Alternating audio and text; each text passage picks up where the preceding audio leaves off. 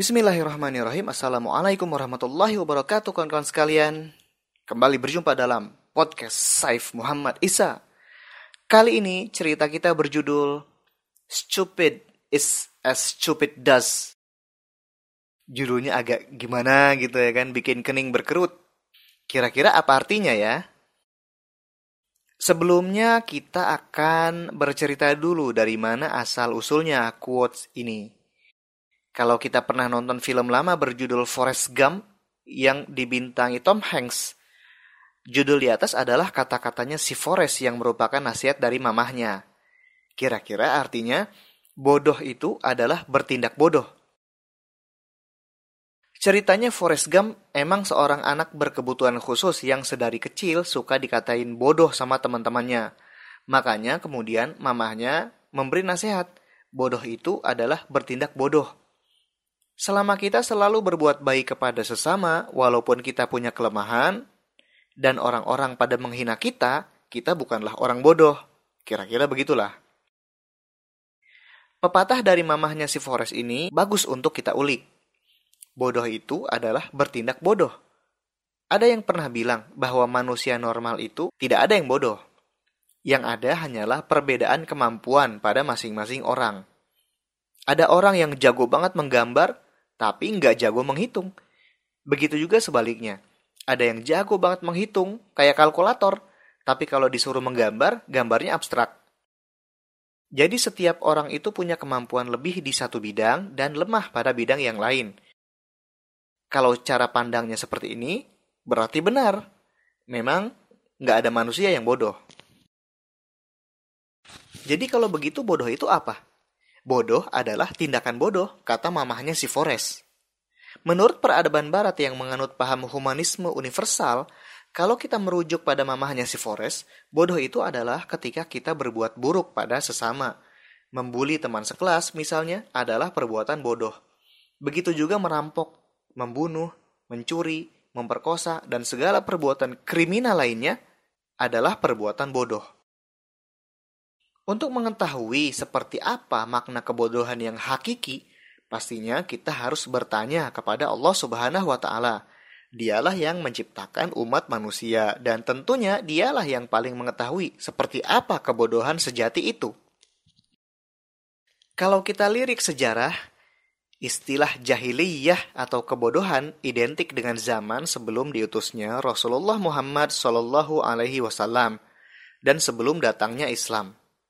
Menurut Dr. Jawad Ali dalam kitabnya yang super tebal tentang sejarah Arab sebelum Islam, istilah jahiliyah yang bermakna periode sebelum diturunkannya Islam sebelumnya tidak pernah dikenal. Karena orang-orang yang hidup di zaman jahiliyah itu tidak pernah merasa bahwa mereka itu bodoh. Istilah jahiliyah dengan makna ini baru dikenal setelah Islam diturunkan dan berkembang di jazirah Arab. Para ulama berbeda pendapat tentang kapan dimulainya zaman jahiliyah itu. Ada yang berpendapat bahwa zaman jahiliyah dimulai sejak zaman Nabi Nuh.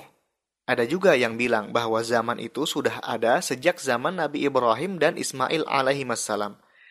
Ada juga yang menyatakan bahwa zaman jahiliyah itu sangat identik dengan masa fatroh. Apakah itu masa fatroh? Sebuah periode dalam peradaban manusia di mana tidak ada sama sekali syariat baru yang diturunkan dari langit, dan tidak ada sama sekali nabi baru yang diutus kepada umat manusia. Masa fatroh ini dimulai sejak diangkatnya Nabi Isa alaihissalam pada sekitar tahun 33 Masehi hingga diutusnya Rasulullah Muhammad wasallam pada sekitar tahun 610 Masehi. Pada periode Fatroh itulah sebenarnya zaman jahiliyah digelar yang berlangsung kira-kira 577 tahun. Setelah diangkatnya Nabi Isa alaihissalam, memang tidak ada lagi nabi yang diutus oleh Allah Subhanahu wa taala. Kalaupun ada ajaran langit yang masih dianut manusia seperti Yahudi dan Nasrani, ajaran itu sudah banyak dipelintir dan dimodifikasi oleh tangan-tangan manusia yang tidak bertanggung jawab. Makanya yang kemudian tersebar adalah kesesatan yang nyata. Kebayang gak sih apa jadinya kalau nggak ada nabi dan nggak ada syariat yang sahih selama 577 tahun? Pastinya yang akan berkembang di dunia adalah kezaliman dan kesesatan. Umat manusia akan hidup seenak udelnya sendiri dan kemaksiatan merajalela di mana-mana. Coba saja kita lihat apa yang terjadi pada kota Pompei yang letaknya di dekat Naples, Italia. Allah Subhanahu wa taala mengazab kota ini pada tahun 79 Masehi dengan letusan gunung Vesuvius yang sangat dahsyat. Semua ini terjadi karena kemaksiatan penduduk Pompei yang enggak ketulungan.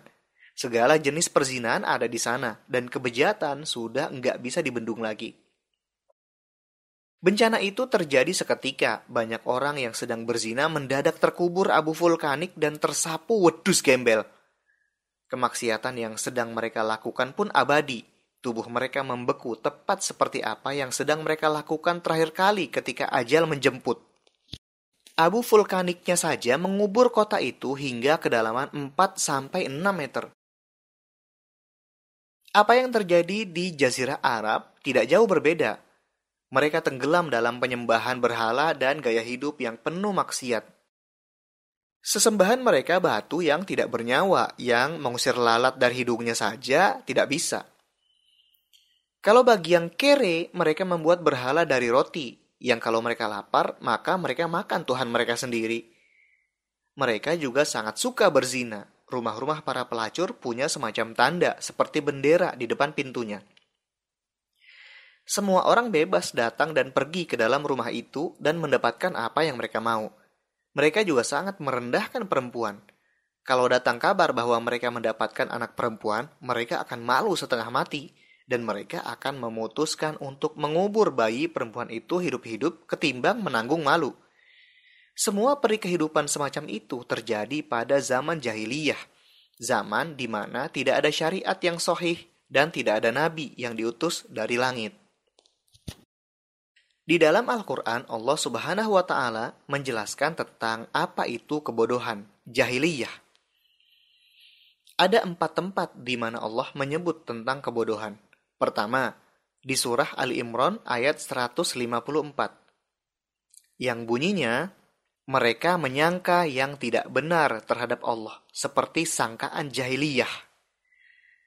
Bentuk kejahiliyahan pertama tentu saja dalam hal akidah.